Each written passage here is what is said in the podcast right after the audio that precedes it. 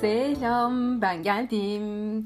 Evet, bugün solo bir bölümleyiz. Hep böyle başlıyorum biliyorum. Ama bugün biraz teori konuşmak istiyorum. Beni dinleyenler, atölyelerime katılanlar ve sohbetlerimde genellikle teori konuşmayı çok severim. Her ne kadar karşı taraf tarafından anlaşılmadığını zaman zaman hissetsem de teoriler benim için bir pusula gibi. Örneğin en çok sevdiğim davranış bilimcilerinden B.G. Fogg'un Tiny Habits kitabında da bahsettiği teorileri gerçekten bir davranışın gerçekleşebilmesi için çok önemli ve değerli olduğunu düşünüyorum. Belki bunun dışında bir sürü teori vardır ama en uygulanabilir, en hayata geçebilir teori olduğunu düşünerek bugün biraz size ondan bahsedeceğim. Genelde bununla ilgili yazılar yazmıştım ve bunun dışında da çok ayrıntıya girmeden bugünkü o teoriyi hayatımıza nasıl uygularız biraz ondan bahsetmek isteyeceğim. Ara ara bundan bahsediyorum ve eğitimlerimde de özellikle davranış kısmında kesinlikle olmazsa olmaz noktalardan biri. B.G. Fogg'un Tiny Habits dediği küçük alışkanlıklar. Küçük alışkanlıklar aslında bizim hayatımıza bir yapbozun parçaları gibi yer alıyorlar ve o yapbozun tamamını oluşturuyorlar. Bu yapboz parçalarını dilersek biz kendimiz oluşturuyoruz. Dilersek mevcut elimizdeki parçaları güzel bir yapboza, bütüne evirebiliyoruz, çevirebiliyoruz. Şimdi gelelim aslında kitaptaki ben burada da önemli noktalardan bahsedeceğim. Benim için önemli, sizin de dinlediğinizde size de fayda sağlayacağını düşündüğüm noktalardan bahsedeceğim. Öncelikle şöyle bir benzetme ile başlayalım. B.G. Fogg diyor ki hayatta herkes daha iyi bir yaşam istiyor. Ancak yapmak istedikleriyle yaptıkları arasında büyük bir uçurum var. Şimdi lütfen siz de düşünün. Hayatta en çok yapmak istediğiniz neler var? Ve bunlarla gerçekten şu an yapmış olduğunuz davranışlar ona hizmet ediyor mu? Yani adım adım ilerlerken gerçekten o nihai hedefiniz var mı ve bütün davranışlarınız buna mı çıkıyor? Hani vardır ya böyle işte bütün yollar bana çıksın. İşte evet gerçekten hayatta istediğimiz şey neyse bütün davranışlarımız ona çıkıyor mu? Ona çıkmıyorsa ne yapacağız? Önce ondan bahsedelim. Tabii ki bu B.G. Fogg'un da bahsettiği gibi ve tüm alışkanlıklarında, e, kavramların teorilerinde bahsedildiği gibi küçük adımlarla hayatımızı tasarlayacağız. Yani burada dediğimiz gibi B.G. Fogg'da bütün alışkanlık ve davranış değişikliği uzmanlarının da önerdiği ve benim de kendi hayatımda çok fazla uyguladığım her alanda ben uyguluyorum. Yani alakasız yerlerde bir davranış değiştirmeye niyetim varsa bunları uyguluyorum. Neydi? İstenen davranışı belirleyelim. Yani değişmesini istediğimiz ya da geliştirilmesini ya da hayatınıza katmak istediğiniz bir davranışı belirleyin.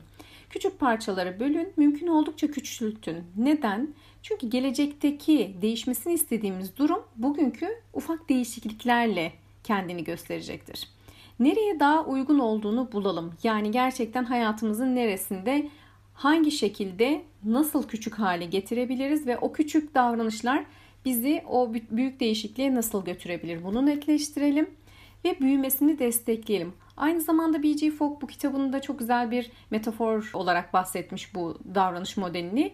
Bir ağaç olduğundan bahsediyor. Yani siz alışkanlıklarınızı yaşamınızda aslında alışkanlıklar sizin güçlü yönleriniz haline geliyor ve bu ağacın kökleri oluyor. Bu davranışın daha da köklenmesini, sağlamlaşmasını vesile oluyor. O yüzden de alışkanlıklarınızı beslemelisiniz. Yani ağacın kökünü belki o filiz halinden sulayarak, bakarak, koruyarak ve sürekli onunla ilgilenerek onu bir ağaç haline getirmenizden bahsediyor.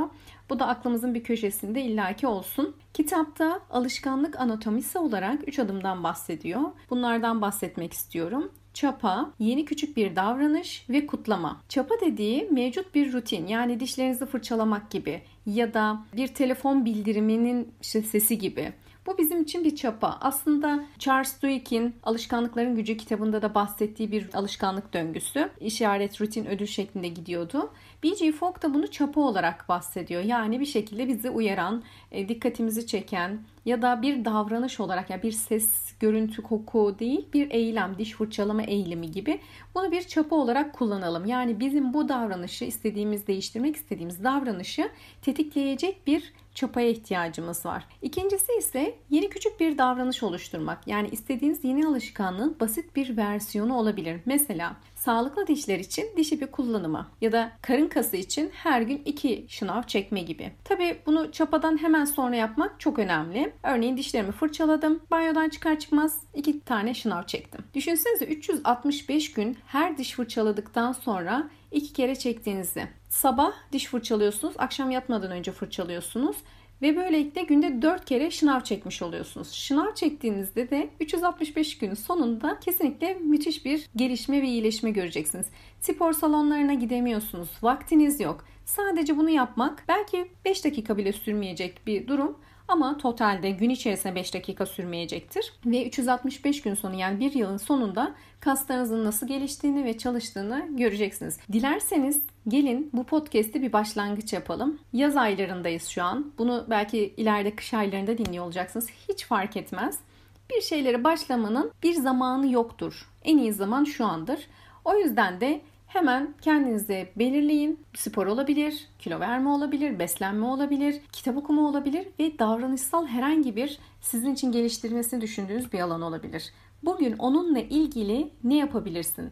Ben danışanlarımla da özellikle çalışırken onlara soruyorum. WhatsApp'tan hep iletişimde olduğumuz için bugün işte hedeflediğin neyse artık birlikte çalıştığımız onun için ne yaptın? Bugün onun için ne yapmak istiyorsun? Bugün onun için ne yapıyor olsan gerçekten de onunla ilgilenmiş olursun. O dediğim bu arada geliştirilmek istenen davranıştan bahsediyorum. Üçüncü adım kutlama. Olumlu duygular yaratmak için kendimizi tebrik edeceğiz tabii ki. Aferin ya iyi iş çıkardın Pınar. Valla bak 365 gün boyunca her gün iki kere şınav çektin, dört kere şınav çektin, işte kasların güçlendi. Bunu tabii ki en sonda böyle bir kutlamada da yapabilirsiniz ama her gün diş fırçaladınız, şınavınızı çektiniz, ardından normal akışa girdiniz ve her bunu yaptıktan sonra çok iyisin, harikasın cümlesini kendimize söylemek önemli olduğundan bahsediyor. Kitap içinde bu adımları belirlemesi için B.G. Fogg'un çeşitli egzersizler paylaştığını gördüm. Temelde küçük adım adım belirli davranışlarda bulunuluyor. Ama davranış modelleri içerisinde B.G. Fogg modeli olarak bahsedilen davranış eşittir motivasyon, yetenek ve tetikleyici modeli var. Ben bunu hep anlatıyorum. Çok ayrıntılı bir şekilde burada anlatmayacağım. Çünkü bir görsel anlatmadığım için kafanızda canlanmıyor olabilir. Ama ben şunu şu hikayeyle çok anlatıyorum. İşte bir pazarcı ve köpeği var. Bir müşteri geliyor ve pazarcının köpeğini çivili tahta üstünde yatırdığını görüyor. Yani hayvan çivili tahtada yatıyor ve pazarcıya diyor ki yani yazık değil mi, günah değil mi? Bu hayvan neden burada yatıyor? Niye yumuşacık bir mindere koymuyorsun? Orada ona bir yatak yapmıyorsun. Pazarcı da diyor ki yani kendi memnun. Eğer zaten çiviler batıyor olsa orada yatmaz gider başka bir yerde yatar diyor. Şimdi bu hikaye aslında bizim hayatımızın çoğu zaman yaptığımız bir şey. Yani aslında bir davranış bizi rahatsız ediyor ama eyleme geçemiyoruz. Orada bir motivasyon yetersizliği olabilir. İşin nasıl yapılacağını bilmiyor olabiliriz. Bizi tetikleyen hadi ya gel bunu yapalım diyen biri olmayabilir.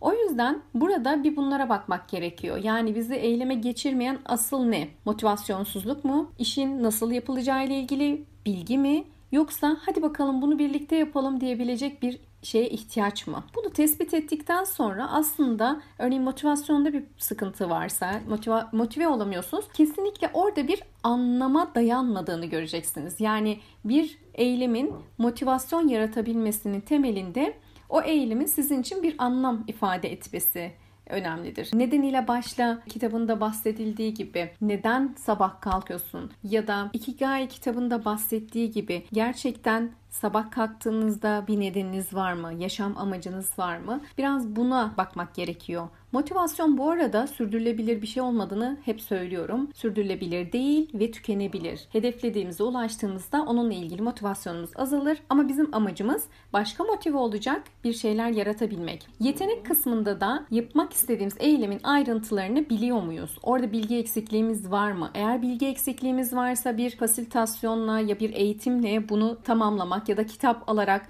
bu kitabı okuyarak kendimizi geliştirme kısmını yapabiliriz. Ya da böyle podcastler dinleyebilirsiniz keyifli alışkanlıklar ya da alışkanlıklar üzerine. E, tetikleyici nedir? Body sistemleri kurabilirsiniz. En yakın arkadaşınızla birlikte eyleme geçebilirsiniz ya da gruplara katılabilirsiniz. Örneğin okuma, yürüme ve erken kalkma gibi atölyeler yapıyorum. Bu tarz topluluklarla birlikte eylemde bulunabileceğiniz topluluklara katılabilirsiniz bir tetikleyici olarak ya da kendinize bir zaman belirleyip en kolayı kimse yoksa sosyal medyada paylaşıp kendinizi takip ettirecek bir şekilde bunu paylaşmanız aslında sizi eylemde tutacaktır. O davranış içerisinde olmanızı sağlayacaktır. En önemlisi de BG Fogg burada diyor ki yapmak istediğiniz eylemi ertelemenize engel olacak en güzel şey 2 dakika kuralı. Yani o eylemin 2 dakikalık halini yapıyor olsanız neyi yapardınız? Kitap mı okumak istiyorsunuz? Kitabı elinize alıp sayfayı açmak, belki birkaç satır okumak 2 dakika sürer. Ardından yürüyüş mü yapmak istiyorsunuz? Ayakkabılarınızı giyin, kıyafetlerinizi giymeye başlayın. Zaten kendinizi yürüyüşte bulacaksınız. Yani aslında baktığınızda 2 dakika diye başladığımız bir süre eylem bize hem devam eden 2 dakikadan fazla eylem içerisinde bulduracak, belki de buldurmayacak ama en azından 2 dakikalık halini yapmış olacağız böylelikle. Bunun dışında alışkanlık geliştirmenin zorluklarından bahsederken 3 noktaya değiniyor B.G. Fogg. Başarısızlık konusunda kendimizi değerlendirmek, kendini kötü hissederek ve yargılayarak alışkanlık kazanmaya çalışmak mümkün değil. Yani gerçekten bu çok zor. Kendini kötü hissederken yargılarken kendine fayda sağlayacak bir alışkanlık kazanma mümkün değil. Anca ve anca bu yargılama ile ilgili mindset, o düşünce yapının negatif bir şekilde alışkanlığını kazanabilirsin. İkinci maddede de şunu diyor. Davranışlarla ilgili yanlış beklentiler. Yani bir davranışın mantıktan uzak sonuçlar getirmesini umut etmek o eylemin yanlış beklentilerden kaynaklı olarak olumsuz bir sonuç getirmesinden bahsediyor. Üçüncüsü ise hedeflere ulaşmada motivasyona güvenmek. Yani motivasyon değişken ve ona güvenmek yanlıştır. Becerilere güvenmek ise doğru olan kısımdır diyor. Kesinlikle az önce de bahsettiğim gibi bu kısım çok değerli ve önemli. Diğer önemli gördüğüm ve keşif soruları olarak bahsedilen bazı sorular var. Bu soruları size okuyacağım. Lütfen okuduktan sonra mümkünse durdurarak bunları düşünmeniz, mümkünse yazmanız çok yerinde olacaktır. Bir davranışı yapmayı zorlaştıran sizin için nedir? Bir bunu düşünün ve kendimize soracağımız 5 tane soru var. Birincisi, davranışı yapmak için yeterli zamanım var mı? Davranışı yapmak için yeterli param var mı? Davranışı fiziksel olarak yapabilecek durumda mıyım? Davranış önemli ölçüde yaratıcı ve zihinsel enerji gerektiriyor mu? Davranış mevcut rutinlerinize uyuyor mu yoksa ayarlamalar yapmanız gerekiyor mu?